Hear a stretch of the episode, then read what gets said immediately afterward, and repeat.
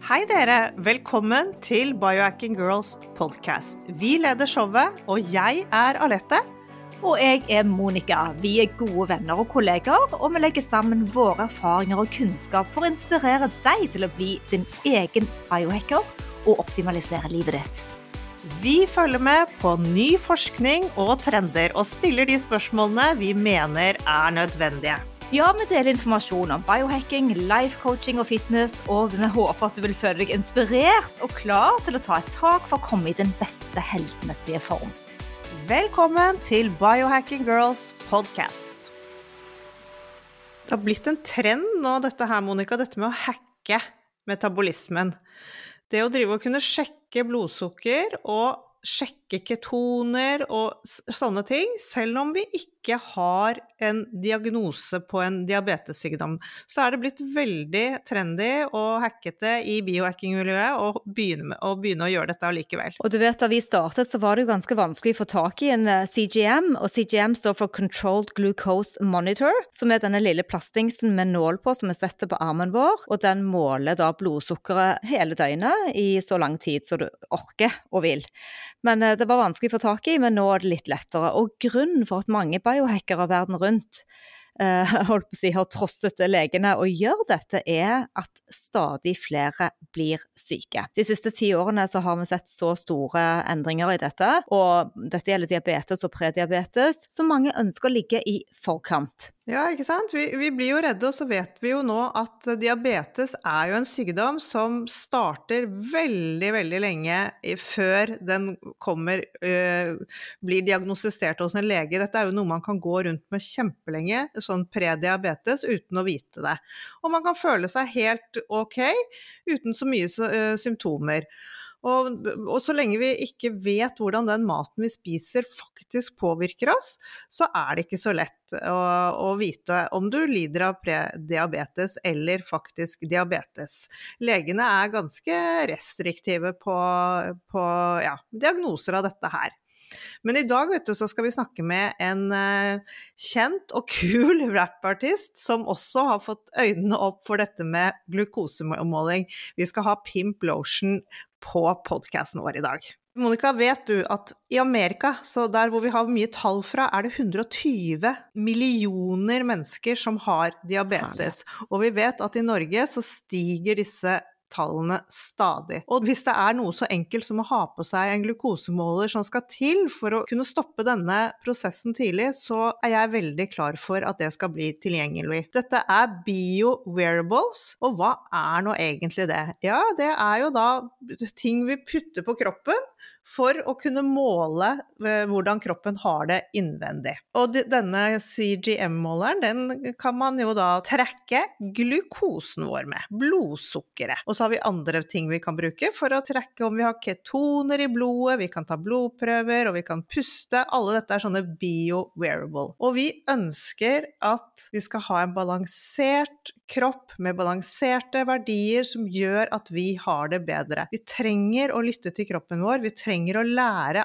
av den, for vi er blitt litt sånn ja, fjerne fra egentlig hva, hva er den prøver å fortelle oss. Ja, disse duppedittene du snakker om nå, det er, en slags form for lifestyle biomarkers, som rett og slett hjelper oss i livene våre for å få det bedre. Det er mange ting de måler. Vi kan gå rundt med for lavt blodsukker eller for høyt blodsukker, og akkurat CGM-en, Controlled Glucose Monitor, eller glukosemonitor på norsk, den måler da 24-7 blodsukkeret ditt, og du vil lære masse om dine egne mønstre og ting du kan gjøre for å eliminere de store droppene og de store spikesene. Så det en, eh, en CGM ser etter først, er noe som heter baseline glukose, som både ser på fastende glukose og gjennomsnittlig eh, glukose. Og i Norge så måler vi dette i MMOL, altså millimol per liter. Og en baseline i Norge er 3,9 til 5, så det er veldig fint. Eh, jeg har akkurat hatt min måling de siste ukene, og den ligger da på rundt 4 4-6-4-7, som er selvfølgelig bra.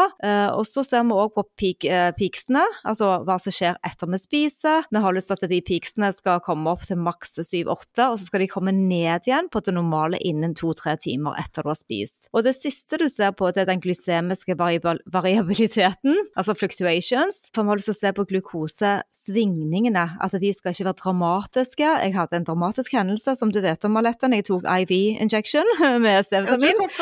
Fortell litt om den, for den var ganske skummel. Ja, og det kan vi godt uh, snakke litt om. Uh, men en sånn standard uh, deviation skal da ligge på 1,5 i de svingningene, sånn at det ikke blir for stort, så den skal komme tilbake. Så når jeg hadde dette visste jeg ikke når jeg gjorde den IV-en da med store doser D-vitamin. Så jeg kom jo hjem til deg, vi skulle jobbe sammen, og hadde et blodsukker som var bare helt vilt. Jeg skalv og jeg skjønte ingenting, for det var oppe, 80, var oppe i 28. Jeg har bilde av det på en måte et screenshot til det. Men det, er det jeg ble ganske redd, selv om jeg prøvde å være helt kul.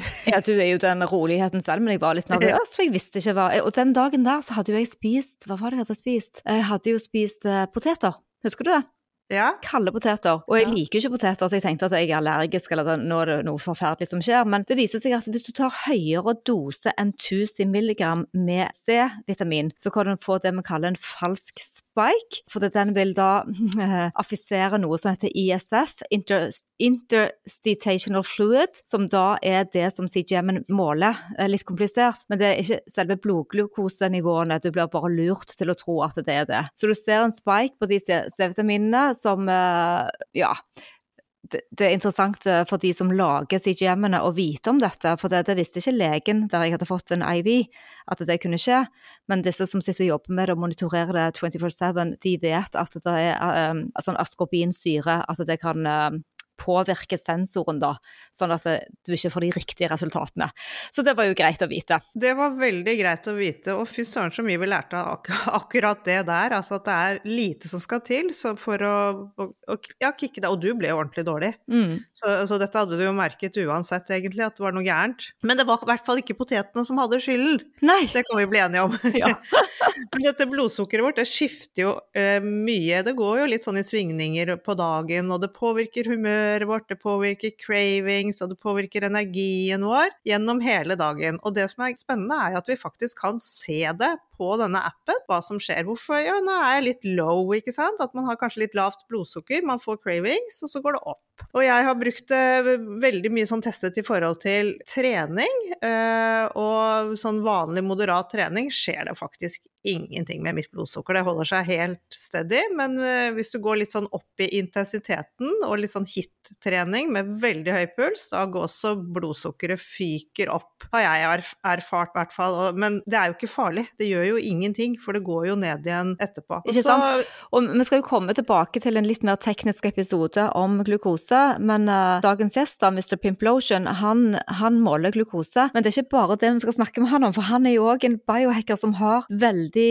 uh, stor interesse i alt det vi holder på med, og vi er jo så glad når vi finner sånne spennende talerør eh, ut i samfunnet som engasjerer seg på samme måte som oss, Alette. Veldig, veldig kul. Og jeg, jeg, gleder meg skikkelig til å få han på plass. Vi skal blant annet, vil jeg si, snakke om CGM i dag, og andre heksene, som du sier. Trapphuset, Mr. Pimp Lotion. Jeg har hørt at han egentlig liker å bli kalt bare for Lotion. Han er hiphop-musiker og produsent fra Oslo. Men vi vil snakke med han fordi han i tillegg til denne musikkarrieren er en skikkelig råtass. Ja, han er en skikkelig biohacker. Mr. Pimp Lotion. Det er meg. Det er deg. Men, eh, men, jeg har nå hørt at du egentlig heter bare Lotion. At du liker det best. Eller Thomas. Jeg liker Folk kaller meg Lotion, da. Eller ja. Eh, de eh, kidsa i nabolaget roper sånn Der går Pimp Larsen, roper de. For de har ikke helt skjønt dette Lotion-navnet, da. Så ja. Jeg foretrekker lotion, egentlig. Kan du også fortelle hva datteren din ble kalt? Baby lotion. Ja, det syns jeg er veldig bra. Men velkommen til oss. Det var utrolig hyggelig å, at du kunne komme hit. Mm, veldig hyggelig å være her. Eh, ja. Og vi har masse vi har lyst til å prate med deg om, men vi har et, egentlig et lite hovedfokus i dag, og det er jo CGM, for det har du holdt på med en stund nå. Mm. Helt klart. Ja. Så det er jo da for dere som eh, følger oss der hjemme, det er en eh, glukosemåler, en continuous glucose monitor, som vi setter på armen. Og er det sånn at du har det på armen nå, Thomas? Det stemmer. Jeg liker jo å snakke mest mulig norsk, jeg, da, så jeg kaller det for en eh, kontinuerlig glukosemåler. Veldig bra, vi går for norsk. Vi går for norsk, selv om vi putter inn så mye engelske ord innimellom at eh, vi nesten ikke skjønner det selv. Ja. ja. det er jo veldig mye av informasjonen man får eh, er jo gjerne på engelsk. Jeg er jo eh, ganske mye på sånn Google Scholar og PubMed og sånn, og det er jo kun engelsk man leser. Men jeg syns det er litt viktig å i hvert fall prøve å finne litt sånn eh, norske uttrykk for ting, da. Men hvor lenge har du brukt en glukosemåler? Den har jeg vel brukt um det er noen måneder nå. Jeg, har jo, jeg hørte jo om det for uh, flere år siden. Og så uh, kontakta jeg da Det var liksom noen av disse amerikanske firmaene som driver med det, og ingen tilbød noen i Europa å bruke det. da. Og Så så jeg gikk og ønska meg det ganske lenge, og sånn, så plutselig så oppdaga jeg et eh, firma i, i Finland som gjorde det, og da hoppa jeg på. da. Og hva heter det? Veri heter det firmaet. Nettopp. Mm. Hva er det fikk- dere bruker? Vi har bare kjøpt monitoren fra, eller måleren da, fra Freestyle Libre Norge. Og så bruker vi NutriSense-appen, da. Mm. Den koster jo penger, men du kan òg bruke Freestyle Libre sin gratis-app. Ja. Ja. Ja, for når vi gjorde det første gangen, altså, så var det jo helt umulig å få tak i det i Norge. Men, og, og Nutrisense de ville jo ikke sende det til oss, men så fant vi ut at vi bare prøver å kjøpe det fra Freestyle Libre, og det var ingen som stoppet oss. Nei. Jeg, du, jeg tror også du faktisk får, eh, får hvis man, på en, måte, en av ulempene med det er at det er jo litt dyrt. Så vidt jeg har forstått, så er det mulig å gå på eBay og få tak i billigere, kanskje at den er i ferd med å gå ut på dato og sånn. Sånn at det fins såkalte hacks for å eh, få billigere varianter, da. Mm. det var jo et veldig godt tips, for det, det er jo det vi får mye kritikk når vi driver med denne målingen, er jo det at det er kostbart. Mm. Det er jo helt klart. Ja, denne koster 600 kroner for 14 dager, og så kan du ha en gratis app. Så du kan jo tenke at du investerer kanskje en månedstid, så blir det 1200 kroner. Og du lærer jo veldig mye. Men hva syns du selv at du har lært på disse månedene du har testet glukosemåler nå? Eh, Ja, først burde vi jo, jeg vet ikke om dere hadde jo en intro om dere snakka om glukose eller blodsukker. Vi har forklart litt, ja. ja. Eh, nei, fordi at sånn alle Så det er veldig vanskelig å, å forske på dette her eh, med sånne kontrollerte eh, studier, men veldig mye sånne observasjonsstudier da, viser jo at jo lavere blodsukker man har Dette er, unntaket er de med diabetes 1, da. Men uh, for og alle andre så er det jo jo lavere blodsukker, altså gjennomsnittlig blodsukker du har, jo færre spikes du har, og jo mindre den forskjellen mellom høye og lave punkter på kurven. Alt det er forbundet med jo lavere, jo mindre sykdom får du. Altså alle disse sykdommene som vi eh, lider av og gjerne dør av, da, sånn hjertekar, kreft, demens, selv eh, respiratoriske sykdommer som eh, ja, altså, det, er, det var faktisk studier som viste at hadde du høyt blodsukker, så ble du dårligere av covid og, og døde mer av covid, da. Hvis det er lov å si, for det er jo nesten ikke lov å si det ordet. Sånn at det er da grunnen til at jeg ville sjekke hvordan blodsukkeret mitt er, da. Fordi at altså, altså alle studier tyder på at jo lavere de parameterne er, jo friskere blir du da. Men du da som en sånn, ja, jeg ville kalle deg en skikkelig biohacker, trodde du at det skulle være noe gærent med blodsukkeret ditt, eller fikk du det bekreftet, det du håpet på? Altså, jeg har jo spist veldig eh, sukkerrestriktivt, hvis jeg kan kalle det det, i veldig mange år. Og sånn at jeg ville egentlig mest eh, bruke det for å bekrefte hvor bra blodsukkeret jeg har, da. Jeg, jeg lever jo i en sånn eh, verden at jeg hele tiden tror at de tingene jeg gjør, de er skikkelig gunstige for min helse, så jeg tror hele tiden at jeg har veldig god helse, da. Men det er ganske mange ting eh, som har vært fascinerende med å bruke denne CGM-en. Det er jo altså sånn hvor mye som påvirker blodsukkeret, hvor, hvor helhetlig det er. Altså ting er jo kostholdet, eh, og hvordan man kan forandre på det og, og justere det for at det skal bli lavest mulig blodsukkerstigninger. Men så er det søvn, trening, stress eh, og en del andre sånne hacks. da. Dere, dere liker jo hacks, så det passer jo bra for dere. Er det noe spesielt du har sett på f.eks. mat? Ja, For det første så er det jo eh, en ting som jeg har veldig oppdaga. Det er jo tidspunktet på når jeg spiser. Jeg likte Altså litt sånne logistikkmessige grunner så har jeg pleid å spise veldig seint på kvelden. Fordi at eh, jeg liker å trene før jeg spiser. Altså jeg liker ikke å trene etter mat. Og så har jeg litt sånn, eh, kall det uortodoks treningsregime hvor jeg omtrent opptar hele treningssenteret på en gang. Og da pleier jeg å dra dit så tidlig, eller så seint på kvelden rett før stenging, sånn at uh, det ikke blir altså, alle apparatene er ledige. da. Så derfor har jeg pleid å trene sånn ja, tidligst 11, men kanskje halv 12. Og da endte jeg opp med å spise etter den treninga. Men det som da denne glukose Midt på natten, altså? Nei, altså jeg er jo jeg er en gangstrapper, da. Ja. Har jo en døgnrytme som en gangstrapper. sånn at jeg uh, bruker ikke vekkerklokke, så jeg sover til jeg våkner. Sånn at jeg har kanskje forskjøvet døgnrytmen litt. da. At jeg kanskje legger meg ett, mm. men står opp ni. Mm. Uh, eller ti. Uh, men iallfall det jeg oppdaga, var at når jeg spiste sent på kvelden, så var det helt åpenbart at da var jeg mye mer altså, uh, insulinresistent. da, Eller jeg tålte glukose mye dårligere om natta. Så hvis jeg spiste et måltid sent på kvelden, så hadde jeg altså Det verste er jo at jeg har jo har gjort litt sånne forsøk på meg selv og testa ut forskjellige typer matvarer og sånn. Hvis jeg har tatt og spist et pastamåltid rett før leggetid, så har jeg skyhøy blodsukker med masse svingninger i tolv timer etterpå. Altså Hele natta så er det helt ville tilstander. Det er berg-og-dal-bane de luxe, og det er, det er, skyhøyt. da. Men spiser jeg da måltidet sånn at det er en del timer før leggetid, så skjer ikke det. Og det som også, ikke sant, Alt er jo en sånn helhet, alt påvirker hverandre. Så det som også da skjer hvis jeg spiser sent på kvelden, er jo at da ok, blodsukkeret blir høyt, men søvnkvaliteten blir jo også veldig mye dårligere. Og hvilepulsen min blir mye høyere. Uh, og da, liksom, da baller det på seg. ikke sant? Fordi hva har jeg også funnet? Jo, hvis jeg har dårlig søvn, så blir jeg også, tåler jeg også sukkeret dårligere. Og da føres det videre utover neste dag. da. Uh, så gjennom da å time når jeg spiser, kun den ene hacken aleine, så har det ført til bedre søvn og også bedre toleranse for glukose gjennom hele døgnet. Er superinteressant, for det tror jeg det er det eneste jeg ikke har testet. Å spise en stor middag sånn rett før jeg skal legge meg. Eller det har jeg jo testet før, men ikke i forbindelse med glukosemåler. Men, uh, men jeg hadde en uh, syk frokost her. Uh, det var selvfølgelig havregrøt, og så hadde jeg en hel banan, grønne bananer riktignok. Jeg hadde to spiseskjeer med honning, masse bær og yoghurt. Altså det var en sånn gulmeie av en overdose. Men jeg hadde òg da to spiseskjeer med kanel oppi. Så det steg jo fryktelig blodsukkeret mitt da, men det gikk jevnt ned da innen innen to timer. Mm. Men det, altså det, det, var skikkelig potent frokost. Det var gøy å se at jeg hadde kontroll på det. Mm. Ja.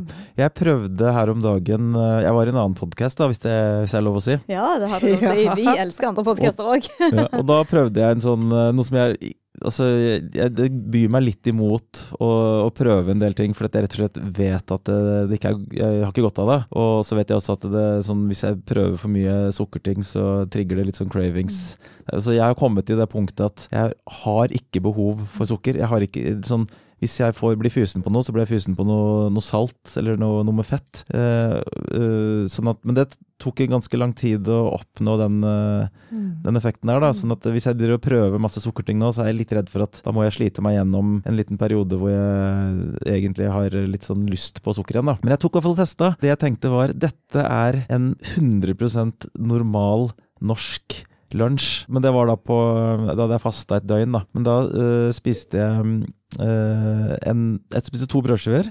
Valgte til og med ut den, uh, det groveste sorten, da. Mm -hmm. På den ene så hadde jeg brunost, den andre hadde jeg Nugatti. Og så drakk jeg en sånn bitte liten sånn um, juice fra Bendit hvor det sto sånn én av fem. Altså jeg, de vil at jeg skal ha fem av den om dagen. Jeg drakk den lille der. Jeg tror jeg var mango og ananas eller noe sånt, så relativt sånn uh, søtt opplegg, da. Og da fikk jeg en blodsukkerspike da, som jeg aldri har sett maken til. Var, eh, så er dere eh, komfortable med disse tallene?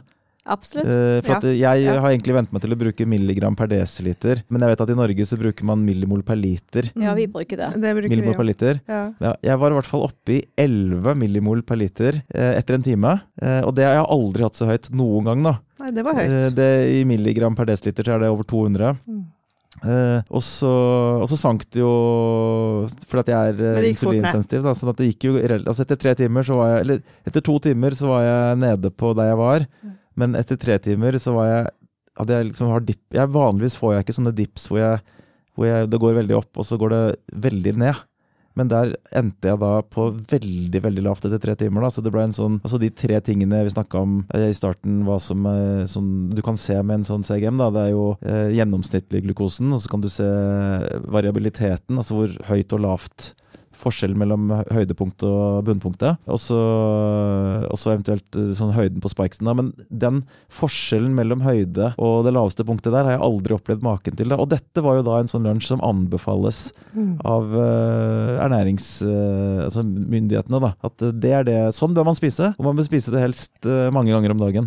Og tenk den belastningen som skjer på helsen vår da, hvis man mm. gjør det hele tiden. Mm. For det vil jo du merke. Og i, litt før du kom da, så snakket meg Alette om at jeg hadde en enorm spark. Jeg var det 28 jeg sa, Alette? 26 til 28 uh, på millimol. 28 millimol per liter? Nei, jo, 23. Var det 23? Ja, ja det var høyt uansett. Det var, det var så ekstremt, men det var pga. Uh, intravenøs uh, dosering med C-vitamin. Ja. Ja, men det faktisk det, det, er jo Da måler ikke Det, det, det blir en eh, fake eh, måling, mm. så den lurer systemet. Mm. Men jeg har vært oppe i 12-11-12 jeg òg, altså, på mm. en del ting som jeg har testet. Ja. Nei, for jeg spiser jo vanligvis eh, veldig sånn lite Altså, jeg vil ikke kalle det karbohydratrestriktivt, for jeg syns at, jeg synes at det jeg spiser, er det det bør være. Så jeg vil si at det burde være karbohydrat normalt, er det jeg spiser, da, mens alle andre spiser karbohydrat for høye. Men når jeg spiser Altså mitt sånn go to måltid. Jeg spiser én gang om dagen, da. Du er på én ja, gang om dagen? God mat. Mm. Ja. Og mitt eh, sånn altså, Det varierer jo litt, men hvis jeg kan velge det jeg syns jeg absolutt uh, liker best, så er det jeg, steker, jeg griller meg en uh, biff, og så lager jeg en salat som jeg har komponert selv, som jeg kaller white salad, fordi at den er ikke så veldig grann. Og i den salaten så er det, det er to grønnsaker, og det er uh, en tomat og agurk. Og resten er da høyfett. da. Altså det er eh, avokado, oliven, fetaost, mozzarella. Og så slenger jeg på litt, uh, litt rømme. Og så prøver også at uh, Det har ikke noe med glukosen å gjøre, men jeg prøver også at det er økologisk, og at det er ikke pasteurisert, disse melkeproduktene. da. Hørtes godt ut. Hørtes jo veldig ja, godt ut, jeg er helt enig. Så, men det jeg har funnet ut, er at det, for den absolutt beste hacken som jeg har oppdaga sånn rent eh, kostholdsmessig, er eplesidereddik. Helt klart. Altså når jeg spiser den her, og så lager jeg en dressing hvor jeg blander eh, eplesidereddik og kanskje litt eh, MCT-olje og litt uh, olivenolje, eh, og blander ut og, og, bruker som dressing, da. Ganske mye eplesidereddik, egentlig. Det er ikke bare at jeg ikke får en spike. Jeg får ikke en spike i det hele tatt, men jeg får sånn gradvis Fra jeg spiser til det har gått to-tre timer, så har jeg en sånn jevn nedgang i glukosen. Så øh, veldig, veldig jevnt, da. Er, men altså, jeg, rett og slett jeg får null blodsukkerstigning øh, hvis jeg øh, bruker øh, eplesidereddik.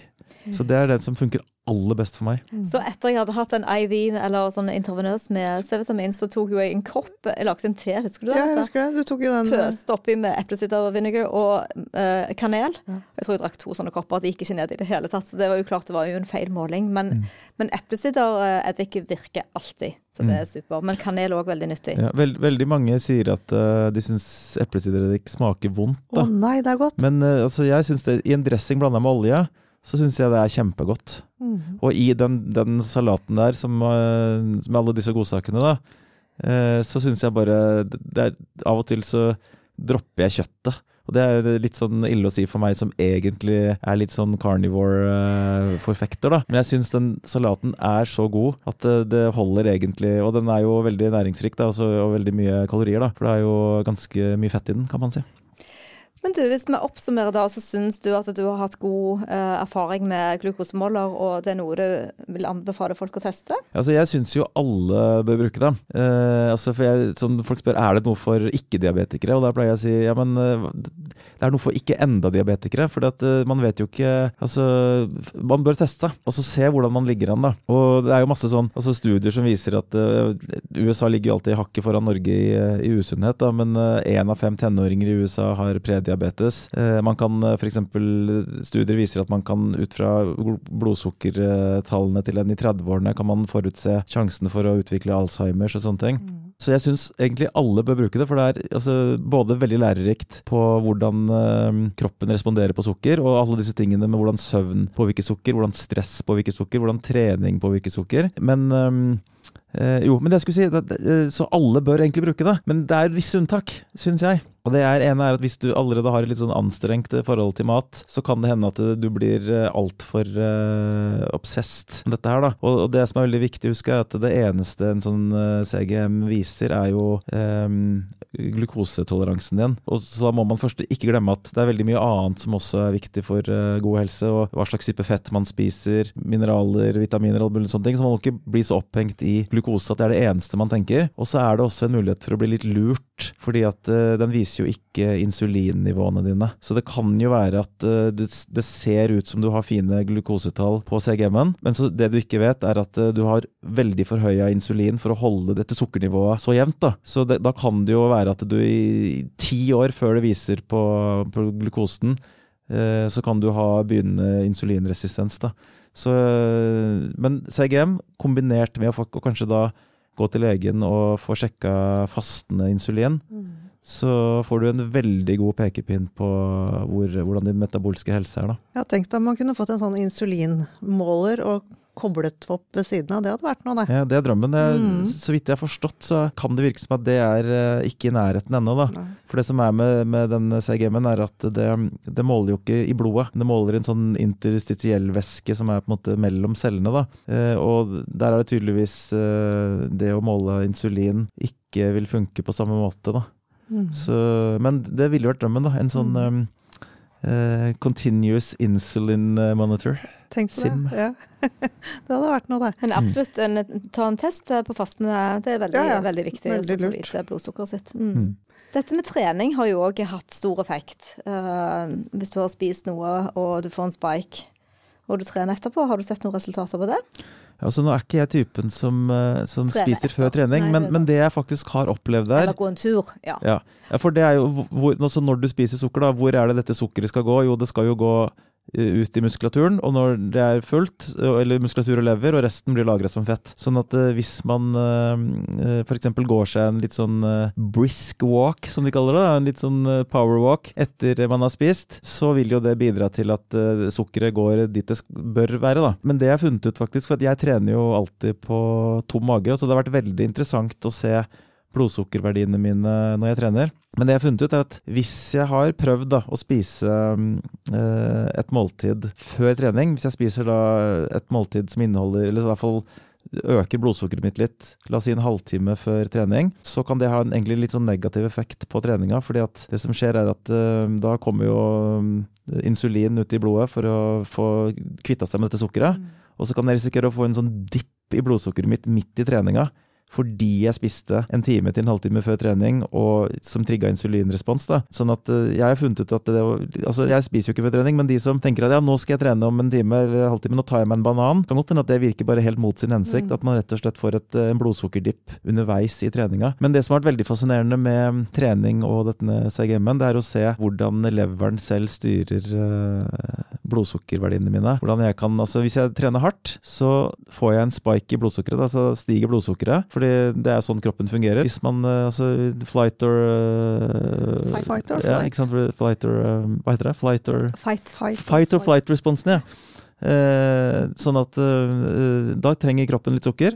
Og det, i hvert fall for meg, da, for dette, dette her må jo sies med sånt at jeg har jo da levd på la, veldig lavt uh, karbohydratinntak i veldig mange år. Sånn at jeg tror jo at for første uh, systemet mitt er veldig flink til å justere dette blodsukkeret på egen hånd. Jeg er ikke sånn, sånn som man anbefales av kostholdseksperter, at man må spise for å kontrollere blodsukkeret. Hos meg så er det leveren og, og, og, og bukspyttkjertelen som kontrollerer blodsukkeret mitt. Da. Men, men, hvis jeg gjør en veldig sånn hard treningsøkt, så stiger blodsukkeret. Og jeg kan trene i hvert fall to timer uten at blodsukkeret synker. Ofte har jeg tenkt sånn før jeg fikk denne CGM-en at hvis jeg blir veldig sånn, møter litt sånn veggen underveis i en treningsøkt, så ja, nå, nå sank blodsukkeret mitt, men det viser jo da disse målingene at det ikke gjør, da. Så når jeg blir, møter veggen la oss si etter uh, to timers treningsøkt, så er det fordi jeg ikke er godt nok trent. Det er ikke fordi at blodsukkeret er for lavt, da. Uh, men, men, igjen så er det også sånn liksom, Her kan jeg se sånne hacks igjen. da At hvis jeg har litt lavt blodsukker, f.eks. Noe som jeg dette er, Jeg har det jo aldri, men hvis jeg hadde hatt det, så kunne jeg på en måte Trikset er jo da å trigge og få leveren til å mm. til å booste ut litt uh, sukker. Og det er jo gjennom å ta en liten spurt, eller ta noen pushups, eller gjøre et eller annet sånn, så øker blodsukkeret. Så istedenfor en banan, så kan man bare ta litt sånn en uh, liten intens øvelse. Så stiger blodsukkeret seg selv. Ja. Veldig bra hack. Mm. Du, dette er så spennende. Uh, Jeg tror aldri jeg klarer å begynne å si CGM. Jeg blir litt sånn CGM, men, eh, men det gjør ingenting. Skal vi ikke snakke om litt flere biohacks òg? Jo, altså vel, har eh, Veldig gjerne. Jeg, Ja, jeg vil nevne én ting til før vi ja, går videre. ja. For det er en annen ting, for det er dette med stress som også da er påvirker riktig. blodsukkeret. Altså man, vet, man ser jo studier viser jo at dårlig søvn, Mm. det er forbundet med fedme. Mm. Stress er forbundet med fedme. Eh, og, og mekanismene der er ikke så veldig vanskelig å, å se, da. Men det jeg har lagt merke til, er at eh, hvis jeg vet at jeg skal ta en skikkelig hard, eh, la oss si intervalløkt, et eller annet som jeg gruer meg til, så, så begynner blodsukkeret mitt å stige allerede én time før trening. Altså jeg kan omtrent bare se bort på joggeskoene, Nei. og så begynner blodsukkeret å stige. Og det er jo sånn, det er sånn feed forward-mekanisme. ikke sant? At eh, Når jeg begynner å trene, så stiger blodsukkeret, men hvis jeg vet at det skal være knallhardt, så begynner det allerede før treninga. Mm. Og det er jo ikke noe problem så lenge det er korte perioder, men de som har kronisk stress, så vil jo den effekten der virke hele døgnet. Det forklarer jo da hvorfor man får høyere blodsukker når man er stressa og lever et stressende liv. da. Veldig viktig Mm. poeng. Eh, jeg, har, jeg har lest det selv på min egen. At eh, når jeg har litt eh, Ikke nødvendigvis sånn som du sier rett før en treningsøkt, men i andre sammenhenger når jeg har noen morgenklasser, at det, det stiger, stiger på, på vei til jobb, liksom. Ja, Mm. Mm. helt klart. Nei, jeg, jeg, jeg er helt sikker på at dette kommer til å bli noe som blir mainstream, noe vi alle kommer til å gå med. Jeg, jeg står ved det. Mm. Men, men, men problemet nå foreløpig er jo at det er dyrt. Det er dyrt, Mm. men det er veldig mange hacks som er dyre. Mye Mm. som er dyrt. Og det som jeg syns er fint med denne CGM-en, det er jo at man ikke trenger å bruke den kontinuerlig. Man kan få veldig mye informasjon bare av de to første ukene, hvis man gidder å teste litt. Mm. Så det er ikke noe du må gå med hele året. Så så, så dyrt syns jo ikke jeg det er. Nei, men- nei ikke sant. Det, det holder å, å gjøre det innimellom. Ja. Jeg syns jo det er så spennende at jeg liker Ja. å ha det absolutt hele tiden. Men, eh, men på sikt så skal jeg ta meg noen pauser, da. Men driver du med noen andre målinger? Er det noe annet du testmåler? Søvn, eh, ja, sånne ting? Mm, jeg har jo Det var en periode jeg var litt sånn øh, opphengt i å teste ketoner og sånn, Mm. men det bryr jeg meg ikke noen ting om. Eh, jeg har jo, ikke- er jo ikke badevekt engang. Jeg, bare- jeg føler at altså det som styrer meg, er bare hvordan jeg føler meg, da. Eh, for liksom, hva er helse? Er det, er det et uh, tall, eller er det hvordan du føler deg, og om du har energi og, og føler deg frisk og sånn? Så, så jeg er egentlig ikke jeg, for å være helt ærlig, så er jeg til og med litt sånn prinsipielt motstander av uh, supplementer. Fordi at jeg syns at det skal være gjennom kosthold. Da. Det er- er derfor jeg liker da eplesidereddik. for det er eh, en matvare. Mens du får jo også noe som heter berberin, som er en sånn fra noen røtter, da. Ja, jeg bruker det. Ja. Men det blir da i en pilleform, ikke sant, som blir, blir en, eh, en sånn, et supplement. Og så, eh, Ikke at det har noe med det å gjøre, men eh, så vidt jeg har lest meg til også, så, viser, så er det kanskje at du må få det injisert for at det skal det å ta det opp i fordøyelseskanalen ikke Jo, det er variant, like bra. som, Men, eh, det er en variant som heter dihydroberberine, altså, som Mm. er da en omformet eh, form av berberine, som er bedre og tas lettere opp i tarmen, og du kan ta lavere doser. Mm. Men jeg skjønner poenget ditt. Altså, vi skulle jo egentlig ønske at kostholdet vårt var så rent og bra at vi fikk næring fra det. Mm. Men nå er det jo sånn at de fleste ikke har tilgang, eller har økonomi, eller har kunnskap nok om å spise på den måten som vi ønsker da. Mm. Å spise som et levende menneske. Nei, det- like human. Nei, Det er Ja. veldig, veldig få som gjør det, som får i seg nok næring gjennom maten. Men om det da hjelper å hive på masse supplementer, det kan vi jo Ja. bli enige om at det ikke gjør mat først. Ja, det er jo altså vi- Først må man iallfall starte med å spise næringsrik mat. Mm. Og det alt som kommer i pose og pakke, som er ultraprosessert og masse tilsatt sukker og alt mulig annet. Eh, Man kan iallfall starte med å kvitte seg med det. Mm. Men når det skal sies, da, så er det kanskje nesten ingen Eller det vet jeg ikke, men jeg bruker i hvert fall ekstremt mye supplementer når det kommer til stykket. Selv om jeg er motstander av det. For jeg liker å teste det ut. Så jeg tester ut eh, omtrent det som er av ting jeg kommer over. Eh, Fortell. Nei, altså Det er nesten det jeg ikke kan fortelle, men det, jeg er Noe du liker, da. Ja. Det, det som er, for det så er det, det blir jo veldig lite vitenskapelig. Eh, Det blir jo bare sånn eh, Jeg er én forsøksperson. Helt fint. Og så uh, gjør jeg det også på en sånn måte at jeg prøver ut innmari mange ting samtidig. Mm. Så det er jo umulig å si hva som eventuelt funker av det.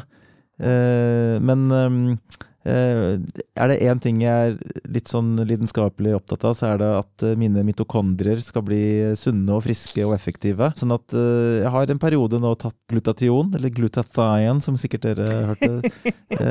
og så er jeg jo da igjen opptatt av Også melatonin også er jo en antioksidant i mitokondriene, som du da får når du sover, da, og du utsetter kroppen for sol. Ikke tatt melatonin noe særlig som supplement, jeg har bare tenkt at jeg gjør de andre tingene som påvirker produksjonen av melatonin i kroppen. Da. Men jeg har vært bortom, borti sånne ting som um, uh, uh, altså Buckminster fullerene, altså C60-karboner. Har dere hørt om det?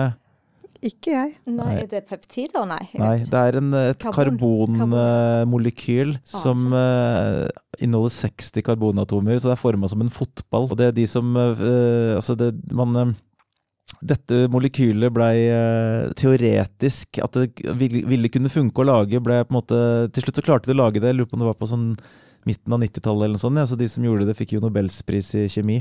Nå viser det seg at det, det fins i naturen, da. Men eh, det er i hvert fall sånn studier har vist at det, hvis man tar eh, dette C60-carbon-molekylet, så er det visstnok assosiert med lengre levetid hos rotter, da. Men det, jeg tror det er ganske lett å finne studier som debunker akkurat eh, det greiene. Men jeg har uansett sånn valgt å teste det, da. Jeg har testa et par, sånn, par forskjellige epoker. Er, um, Hva har du funnet, da? Nei, altså ingenting. Nei. Uh, men det gjelder jo absolutt alle sånne altså jeg, Bortsett fra, fra eplesidereddik, da, så kan jeg si at uh, uansett hvilke sånn hack eller tilskudd jeg har prøvd, så har jeg aldri Jeg har jo aldri kjent noe sånn umiddelbar reaksjon på at ja, dette funker. Så svaret får man jo eventuelt uh, på sikt om uh, helsa blir bedre, eller om man uh, lever lenger. Så um, det jeg er litt spent på, er jo sånne, sant, det nye fenomenet nå, men sånn som dere som er sånne biohacking girls, og så har du sånn biohacking boys som meg, da. For dette, dette, er jo nytt. Hvordan vil dette påvirke, la oss si, levetiden vår, helsa vår, altså til de som holder på sånn?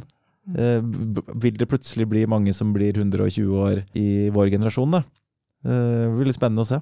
Altså, vi, vi, kommer jo til å leve lenge. Mm. Vi gjør jo det, for at vi gjør disse tiltakene. Ja, jeg tror det, da. Ja. Eller håper det. Men altså, vi vet jo ikke svaret før uh, det, Nei, vi vet jo ikke svaret før vi er 120. Nei. Nei. Det er jo, så selv om man finner uh, at en uh, mus lever lenger, f.eks., så er det jo, betyr jo ikke at vi mennesker lever lenger av den grunn. Så, så det svaret finner vi jo først når nok mm. av sånne biohackers har levd lenge nok, da.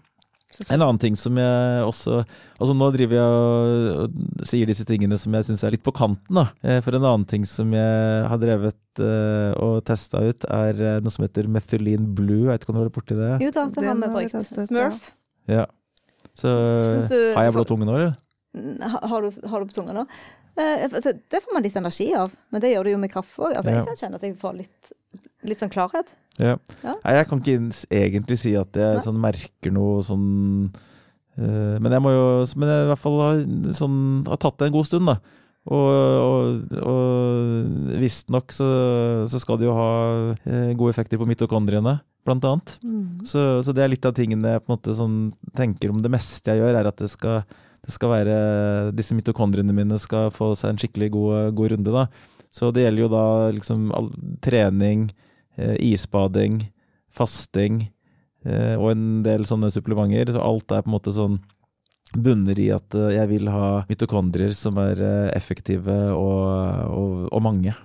Og dette er en veldig fin oppsummering, for dette det bunner vel i grunn egentlig ut i at vi ønsker å ha det bra.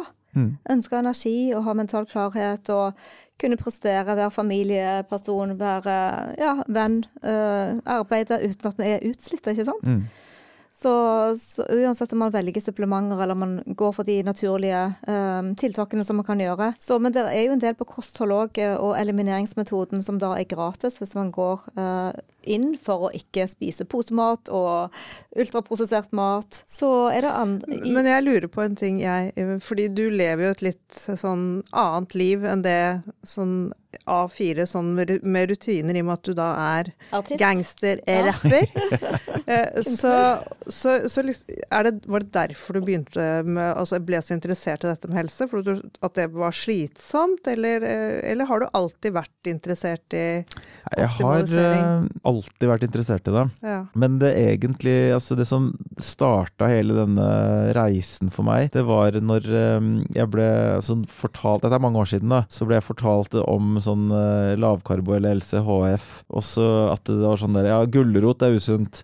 Kjøttdeig sunner en karbonade deg. Liksom mange sånne ting. Jeg bare sånn, det var det mest provoserende jeg hadde hørt. Så da satte jeg i gang sånn selvstudie for å motbevise dette tullet her, da. Så jeg var jo Jeg kom jo inn i dette her det, altså Grunnen til jeg sier det, er for å vise at det var, det var ikke noe placeboeffekt. Jeg gikk ikke inn i dette her med sånn skikkelig troa på at dette var, eh, var det riktige. Jeg, jeg gikk inn i det for å bevise hvor tull det var. Og så bare, jo mer jeg satte meg inn i ting, jo mer eh, fant jeg ut at uh, de tingene jeg trodde var riktige, ikke nødvendigvis var riktig. Så nå har jeg en sånn slags uh, sånn uh, slagord at alt du har lært er feil, det motsatte er det riktige. Og det er jo nest, nesten skummelt, syns jeg, hvor gjennomført uh, mye av de tingene vi har lært, viser seg, og ikke bare lært, men blir sett på som en sannhet, da, Mm. viser seg at ikke er riktig. Mm. Fa faktisk sånn at hvis du gjør Jeg vil nesten gå så langt som å si at hvis du gjør absolutt alt motsatt av det du har lært, så tror jeg det går deg litt bedre. Eh, da gjør du mer riktig enn hvis du hadde gjort alt du, du har fortalt, lært eh, mm, Mm. som er riktig. Mm, helt, helt enig. Men eh, hvordan ser, ser helsen ut blant gangsterrappere? Er du et outcast, eller har du god innvirkning på de rundt deg? Nei, nå, nå har det mm, litt sånn at jeg for ganske lenge siden slutta å være så opptatt av å misjonere rundt dette her. da. Så jeg driver ikke og forteller folk hva de skal gjøre, med mindre de spør meg. Så jeg sier ja, siden du spør, Mm. så kan jeg fortelle. Men nei, eh, jeg tror jeg er en litt sånn outcast når det kommer i rappmiljøet. Og det er vel mest øl det går i eh, blant de andre i min bransje, da. Mm. Så mm, det, mm, det er ikke den sunneste gjengen eh, nødvendigvis, de, de andre kollegaene mine. Nei, det er, det er i hvert fall sånn jeg tenker om det. Sikkert helt, helt galt, men man, man tenker jo det. Men jeg vil jo tro da at ja, bare det å være deg vil jo være Man kan jo ikke predikere. Det funker jo egentlig aldri. Men hvordan ser en typisk dag ut? Har du noen morgenrutiner? Har du noe du alltid gjør, eller sånne ting? Mm, nei, altså det, For meg så er det jo stor forskjell på helg. Jeg jobber jo i helgene. Altså Jeg jobber jo i hverdagen òg, men da jobber jeg i studio, så da er jeg helt sånn eh, Da styrer jeg alt selv. Og så er det spillejobber eh, i helgene. Eh, nå har jeg jo Jeg, jeg har alltid pleid å tulle og si at eh, sånn Først jeg drikker kun på jobb, mens alle andre er jo motsatt. De drikker bare privat. Og så, og så pleier folk å si jeg drikker bare i helgene, men da sier jeg sånn jeg, jeg spiser bare i helgene. For det var en veldig lang periode hvor jeg fasta fire dager i uka. Eh, så, og da spiste jeg bare Nei, tre dager i uka. Så jeg spiste torsdag, fredag, lørdag, søndag. Altså langhelg, da. Så mandag, tirsdag, onsdag så spiste jeg ikke. Så jeg det var så morsomt, eh, morsomt å si sånn Jeg spiser bare i helgene. Mens eh, noen sier jeg, jeg drikker bare helgene. Jeg, jeg skjønner hva du mener, jeg spiser bare helgene. Jeg syns det var litt komisk. Men eh, nei, så mm, Rutinene er at jeg sover til jeg våkner. Jeg er kjempeopptatt av å få nok søvn. Og ikke bare da mengden søvn, men at eh, søvnen får kvalitet over seg. da. Og det er igjen da tilbake til dette med når på døgnet jeg spiser, en del sånne ting. Og så står jeg opp, og så jobber jeg litt. Og så trener jeg, og så spiser jeg det ene måltidet mitt. Og det Akkurat eh, nå er jeg i en periode hvor jeg prøver at det skal være seinest klokka fem, da. Eh, Men gjerne litt tidligere òg. Men hvor lenge har du holdt på med ett måltid om dagen? Ja, det har jeg holdt på med i mange år. Ja. Og det Igjen dette tilbake med sånn at vi snakket om denne glukosemåleren når jeg trener. At jeg ser at ikke blodsukkeret mitt eh, dropper når jeg trener. Det Jeg kan jo ikke vite hvordan andre som spiser på en annen måte, hvordan det ville vært. For jeg har jo da gjennom så mange år med å spise lite karbohydrater og spise sjeldent, så klarer jo Eller kroppen min er på en måte blitt eh, veldig flink til å utnytte energi som, nei, fett som energi. Eh, og det vil si at da er jo ikke jeg sulten heller. Eh, jeg er sulten én gang i døgnet. Eh, sånn at det, det folk kaller eh, intermittent fasting, eller sånn å spise Ha et, eh, et fastevindu på 16 timer eller noe sånt. For meg så er ikke det fasting, egentlig. Fordi selv om det er det. Altså det, du får jo produksjon av ketoner og sånne ting, men, men eh, for meg så er det bare dagligdags spiserutine. Så for meg så er fasting hvis jeg går eh, flere dager, da. Men du er biohacking boy, vi er biohacking girls. Og da jeg prøvde OMAD Jeg har testet OMAD i flere runder og perioder, men det får en liten sånn negativ boost på både søvnen min, og jeg kjenner det på hormonene òg, holdt jeg på å si, i forhold til syklusen. At det, det setter meg litt ut. Det er litt tøffere for kvinner, så alle skal ikke gjøre om Mm. Men jeg har inntrykk av at de fleste menn, eh, som eh, mange thriver godt på det. Og, Veldig. Mm. Ja, så får eh, Det er jo, energi. ja, ikke sant, for det er jo For det første så er det individuelle forskjeller på alle. Jeg tror jo at hvis man blir venner kroppen sin til å bruke fett som energi, så tror jeg alle vil kunne lettere gå lenger uten å spise. Men som du sier, det er forskjell på eller hormoner på kvinner og menn. Det er jo eh, I fettet så har du jo på en måte leptin, eh, blant annet som heter grelin, som eh, trigger sult. Og, og damer har jo mer av det. Og det er kanskje helt naturlig fra naturens side, fordi at dere skal ha litt høyere fettprosent. Eh, sånn at det, Ja. Menn kanskje lettere kan gå lenger uten mat, da. Fra rett og slett hormonelt sett fra naturens side. Og så er min erfaring òg at jeg liker å teste litt forskjellige ting. Akkurat nå holder jeg på med en uh, periode hvor jeg ikke faster, da. Altså jeg faster naturlig når jeg går og legger meg og står opp, sånn at det blir sånn 12-13 timer. Så jeg har hatt uh, opptil 16 timers fastevindu nå, men nå spiser jeg tre, kanskje fire måltider om dagen, og trives kjempegodt med det. Mm. Og det øker forbrenningen, og det øker søvnkvaliteten, men ikke minst, det kan jeg jo måle på denne Aura-ringen. Mm. Så vi, jeg tror vi skal bare justere litt underveis og kjenne litt på hvordan vi har det, tilbake igjen til det hele tiden. At det, Selvfølgelig. Eh, no one size fit all. Men, um, men du, kan vi ikke snakke litt om uh, nesepusting? For du Ja. Kommer vel ikke unna det med Nei, deg. med deg. Nei, det har jo blitt litt sånn uh, trademarken min, da. Ja. Det, og jeg får jo meldinger hele tiden når folk lurer på dette nesepustgreiene og sånn. Så ja, er det noe de lurer på rundt det? Ja, hvordan begynte det egentlig? Nei, altså, det begynte vel egentlig sånn som med veldig mange andre som begynt, har begynt med det også. Det, at det, det starta med, med bevissthet rundt pusting, egentlig gjennom Wim Hof-pusting, da. Eh, selv om Wim Hof-pusting er jo da det rake motsetninga. Fordi det er jo Han er jo veldig opptatt av pusting, men, men med munnen. Eller han bryr seg iallfall ikke om det er med nesa eller munnen. Og så er det jo når eh, Altså en del av denne Wim Hof-pustinga er jo hyperventilering. Mens eh, hele poenget med nesepust er at det skal ikke være hyperventilering. Så det er jo egentlig helt motsatt av uh, Wim Hof-pusting, da. Har dere vært borti Wim Hof-pusting? Absolutt. Jeg har til og med hatt kurs med, vært på kurs med han. Men, eh, men altså, det er jo å holde pusten så lenge som mulig. Og det er ganske fascinerende hvor lenge du faktisk klarer dette hvert når du har trent på det. Ja. Men det, det, er ikke sant, det som er med, med Wim Hof, det er at det er eh, at man får veldig lav CO2. For når man puster, man hyperventilerer, så kvitter man seg med CO2. Altså, de hyper, altså, puster hardt med munnen, så Nå skal jeg bruke et engelsk ord, for jeg kan ikke det norske, men offloader du eh, veldig mye CO2. Og det som er når, når du blir andpusten, eller når du får behov for å puste, så er ikke det at eh, hjernen registrerer at du har for lite O2, men den registrerer at du har for, eh, for lite Nei, for mye CO2. Eh, og det vil si at når du da tar en sånn hyperventilering før altså med Wim Hof, da, så kvitter du deg med kjempestore mengder CO2. Og da kan du holde pusten veldig lenge, for da tar det lang tid før dette, disse CO2-nivåene bygger seg opp igjen. Så når du hyperventilerer, så kan man bli svimmel, Mm. og man kan kjenne at det prikker i fingrene. Og da er det folk tror at det er fordi at det er, det er en reaksjon på for mye oksygen, men det er faktisk en reaksjon på for lite oksygen.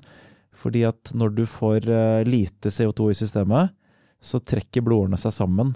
Og det kjenner du gjennom at blodårene i fingrene trekker seg sammen. Så da blir det mindre oksygen. Og så blir du svimmel fordi blodårene i hjernen trekker seg sammen, og så blir det mindre oksygen. Så det paradokset her er at jo mer du puster, jo mindre oksygen får du. Og, og det er jo da hele poenget med Altså det er mange poeng med nesepust, men ett av poengene med nesepust, det er det at man puster mindre, roligere, og så kvitter man seg ikke så mye med CO2. Så da bygger det seg opp CO2 i systemet. Og på sikt da, når du har gjort det lenge nok, så vil den eh, hjernens terskel for CO2 øke. Så du tåler å ha mer CO2 i systemet, og det er veldig gunstig for mange ting. Også for eh, at ikke bare at blodårene utvider seg, men også at hemoglobinet gir fra seg oksygen lettere ut i vevet. Da. Eh, sånn at når jeg blir andpusten, eller du blir andpusten når du trener, så er det fordi at eh, hjernen syns du har for høyt CO2. Selv om folk tror at det er fordi at hjernen syns du har for lite oksygen. Men jo mer, nese, mer jeg har trent med nesepusting, jo høyere blir den terskelen for CO2. Og da, eh, da kan jeg trene kjempehardt uten å bli nevneverdig andpusten. Uh, ja, så Er, du naturlig nesepuster? nei. Så du har måttet trene opp på dette? Jeg må Ja. jeg, uh, Ja, teiper munnen om natta. For jeg er naturlig nesepuster, så jeg trenger ikke teip, men det gjør du òg. Men, men er du naturlig nesepuster når du trener? Nei, nei, nei, så dette Nei, er noe helt sant? annet. For det er, jo, Jeg liker å dele det inn i to. da. Mm. For det ene er hva som er eh, gunstig for helsa eh, med nespust. Og det, er, og det andre er om det er prestasjonsfremmende for, eh, for eh, altså, eh, idrett, da, sport. Eh, Så det er to, to forskjellige ting. Jeg kan argumentere masse for Det blir litt sånn teori, og så driver jeg nå og prøver det ut i praksis. Og ser om det faktisk praksis stemmer med teorien. da. Om jeg presterer bedre. Gjør du det? I hvert fall ikke dårligere. Også, Men, men for du hadde jo den artikkelen i Aftenposten. Men Mm. hadde du testet det da uten nesepust før? mm. Og hvordan var resultatene mye bedre med nesepusten? Ja. Nei, altså rent sånn ø, oksygenopptak og, og prestasjon på mølla der, så presterte jeg likt Mm. med nesepust og munnpust. Eh, Så sånn sett så presterte jeg jo da i akkurat den testen, som varer da i ni minutter, presterte jeg verken bedre eller dårligere. Men spørsmålet er jo sånn Jeg kan mer argumentere for at nesepust funker eh, bedre for prestasjon på litt lengre løp, hvor du ikke har så høy intensitet. At det er, eh, at det, på en måte, det, er det aerobe som styrer, og ikke det anaerobe. da. Hvis Eh. noen skulle starte å teste dette med nesepust under trening, hva, hva ville du gitt av gode råd? Jeg har aldri fokusert på det. Hvis du skulle gi oss et råd på hvordan vi skulle komme i gang. Nei, Man må jo bare lukke munnen og puste med nesa. Og så er det jo sånn at uh, i starten så har man jo lavere toleranse for CO2, så da må man bare ta det rolig. Og så ligge på det nivået som eh, gjør at du faktisk går an å fullføre økta på nesepust. Da. Eh, nå er det jo også sånn at eh, Altså, hvis jeg trener vekter, så er jo nesepust ikke noe problem i det hele tatt. Men det, det er jo mest når det kommer til sånn cardio, da. Det de fleste gjør, jeg skal ikke si feil, det kommer an på hvor, hvor ofte man trener, men en vanlig feil som gjøres eh, blant mosjonister som skal trene kondisjon, er at de eh, ikke trener rolig nok. Eventuelt ikke trener hardt nok, så de ligger i en sånn suppe på midten. Eh, sånn at hvis du nesepuster, så kan det i hvert fall være en fin sånn intensitetsstyring på det at du kan ha økter som ligger i det vi kaller sone to. Som er bra for mitokondriene. Mm. Igjen tilbake til disse mitokondriene. Og så er jo da så For at Ja, det kommer an på hvem du spør, men, eh, og hvor mye du trener, men, eh, men eh, det er litt sånn enighet om at kanskje 80% av, av kondisjonsøkter skal være rolige. Og da kan du bruke nesepust, i hvert fall på de, da. Og så har du jo den siste 20% som da skal være veldig hard, f.eks. en intervalløkt. Da vet jeg jo at at de færreste som ikke har utvikla denne CO2-toleransen, klarer å gjennomføre en så hard økt nesepust. Men det klarer jeg, da. Det, det er helt null problem for deg, for jeg hadde drevet og testet det veldig mye nå når jeg er ute og går oppover og nedover og sånn, men altså sånn full sprint med Mm. nesepust er helt Jeg er så imponert over at du greier det. Nei, det er jo bare uh, at jeg har trent opp denne CO2-toleransen. Men nå skal det sies da at eh, hvis uh, Altså, det er helt fascinerende. Uansett hvor godt trent jeg er. Jeg har en sånn kjempebratt liten bakke rett der jeg bor, som er ned til en sånn døgnåpen butikk. Og går jeg opp den bakken, eh, så blir jeg utslitt uansett. For det, det har noe med sånn eh, Hvis du ikke har varma opp og sånn, Mm. så blir jo alle slitne og blir andpustne av eh, en sånn plutselig brå økning i aktivitet. Da. Så, da, så hvis, du, hvis du tar utgangspunkt i at du syns det var skikkelig vanskelig å gå opp en, en liten bratt kneik fra sittende tilstand, så gjelder det meg også. Mm. Men, eh, men så lenge jeg har blitt, eh, fått varma opp og, og fått i gang systemet, så kan jeg Det er ikke pusten som stopper meg Mm. når jeg, når jeg trener. Det er egentlig utrolig deilig. Jeg kan da trene kjempe, kjempehardt eh, kondisjonstrening, og så likevel så puster jeg eh, Rolig. Vel, rolig og, og få pust i minuttet, da. Og, og trikset er faktisk eh, når jeg, når jeg har disse harde øktene, er å, å begrense Altså rett og slett puste mykt. Ikke puste aggressivt, men puste mykt og rolig. Og så kjenner jeg at det også påvirker nervesystemet. da. Du har jo sånn eh, sympatisk og parasympatisk, og, og det parasympatiske roer ned mm. kroppen. Og det, kan jeg, det kjenner jeg faktisk når jeg er inne og trener hardt. At, kan, eh, at det, det, det skjer noe når jeg puster mykt og rolig under treningen. Dette er veldig interessant, og det er sånn at jeg nesten skulle ønske du hadde en Aura-ring, så du kunne målt eh, spesielt eh, hjertevariabiliteten. Ja, jeg har jo en Garmin som gjør det, da. Ja, du, men har du sett noe på hjertevariabiliteten, om det har hatt utslag? Om du har fått høyere score på det? Det høres jo Eh, nesten sånn ut hvis du har vært mer i det parasympatiske. Ja. Jeg har egentlig ikke Jeg, så, jeg har jo øh, Teiper jo munnen om natta og sånn, så jeg, og jeg, jeg har egentlig ikke sånn sett på, på forskjellen på de periodene hvor jeg glemmer det. Eh, men, eh, men jeg ser jo at HRV øker eh, når jeg har hatt god søvn og, og på en måte gjort alle riktige ting, da. Men akkurat hvordan det er under selve treninga, det, det vet jeg ikke. Men jeg ser i hvert fall at, at det er en gunstig effekt på HRV, bare alle tingene jeg gjør. Helt utrolig fascinerende.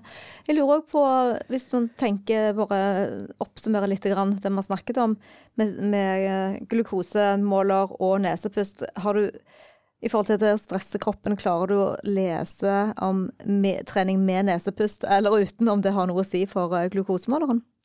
Nå trener jeg jo kun med nesepust, så det, Mm, så det kan jeg ikke svare på. Nei. Men eh, nei, jeg tror det er sånn på sånn Jeg tror dette er litt sånn langsiktig, eller sånn litt sånn eh, s- eh, Trender du kan se litt på over tid, da.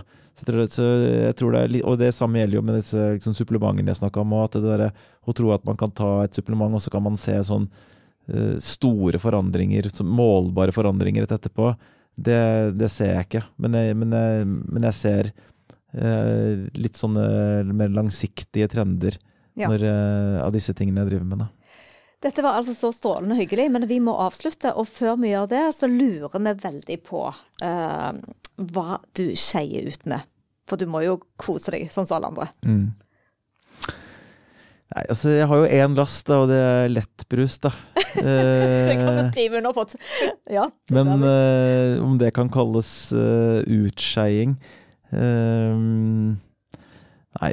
Uh, men jeg egentlig, da, hvis jeg Jeg skulle ønske at uh, pasta var eh, gunstig for de tingene jeg driver med, fordi at uh, det liker jeg veldig godt. Og det er jo litt sånn der, eh, ikke sant, når jeg diskuterer disse tingene med andre, og så, og så får det til å høres ut som ja, men det er jo så lett for deg. Men jeg er i utgangspunktet veldig glad i pasta, veldig glad i potet, veldig glad i godteri, veldig glad i sjokolade. Alle disse tingene liker jeg jo veldig godt. Så det er jo ikke det at, at jeg velger å ikke spise det, det er jo ikke fordi at jeg ikke liker det.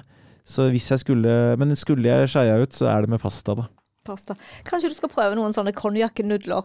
Ja, det har jeg prøvd masse. Ja, det er kanskje ikke akkurat det samme. Shiratake. Shiratake ja. Men, eh, men det er litt vanskelig å få tak i nå. Det var en periode hvor du hadde sånn Miracle Noodles. eh, Så hadde jeg kontakt med han som importerte til Norge, så jeg fikk en sånn svær kasse eh, en gang i måneden. da, Og så Jeg tror det solgte litt dårlig, sånn at eh, han, eh, han slutta med det. Men det jeg har funnet ut, hvis jeg skal sånn si eh, avslutte med én ting, da, det er jo at eh, jeg har holdt på veldig lenge med dette eh, sånn eh, karbohydratrestriktive kostholdet mitt.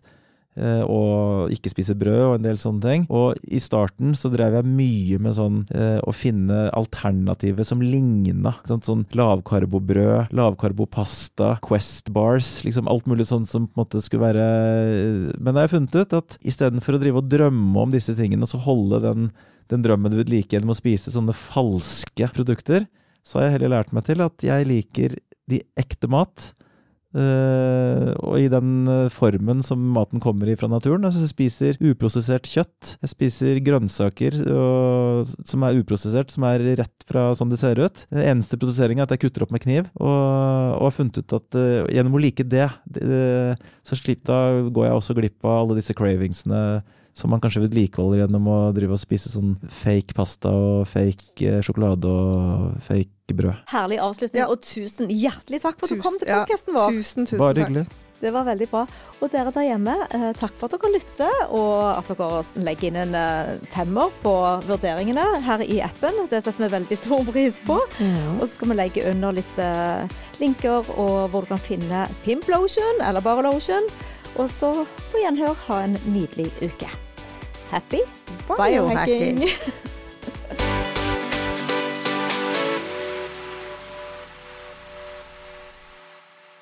Vi minner om at dere må snakke med egen lege eller kostholdsveileder om dietter og andre spørsmål relatert til medisiner og supplementer. Informasjon vi deler, kan ikke bli brukt til å diagnostisere, behandle, forebygge eller kurere noen sykdommer eller tilstander. Kiwi er billigst i VGs matbørs og har vært billigst i fire av de fem siste VGs matbørser. Og nå presser vi prisen på påskevarer fram til 1. april. På 1,25 liter assortert Henning Olsen sørlandsis presser vi prisen fra 74,90 helt ned til 49,90. På assorterte 250 ml Cevita og Bendit smoothies presser vi prisen fra 1990 helt ned til 12,90 pluss pant. For det er vi som er prispresserne. Og vi i Kiwi gir oss aldri på pris.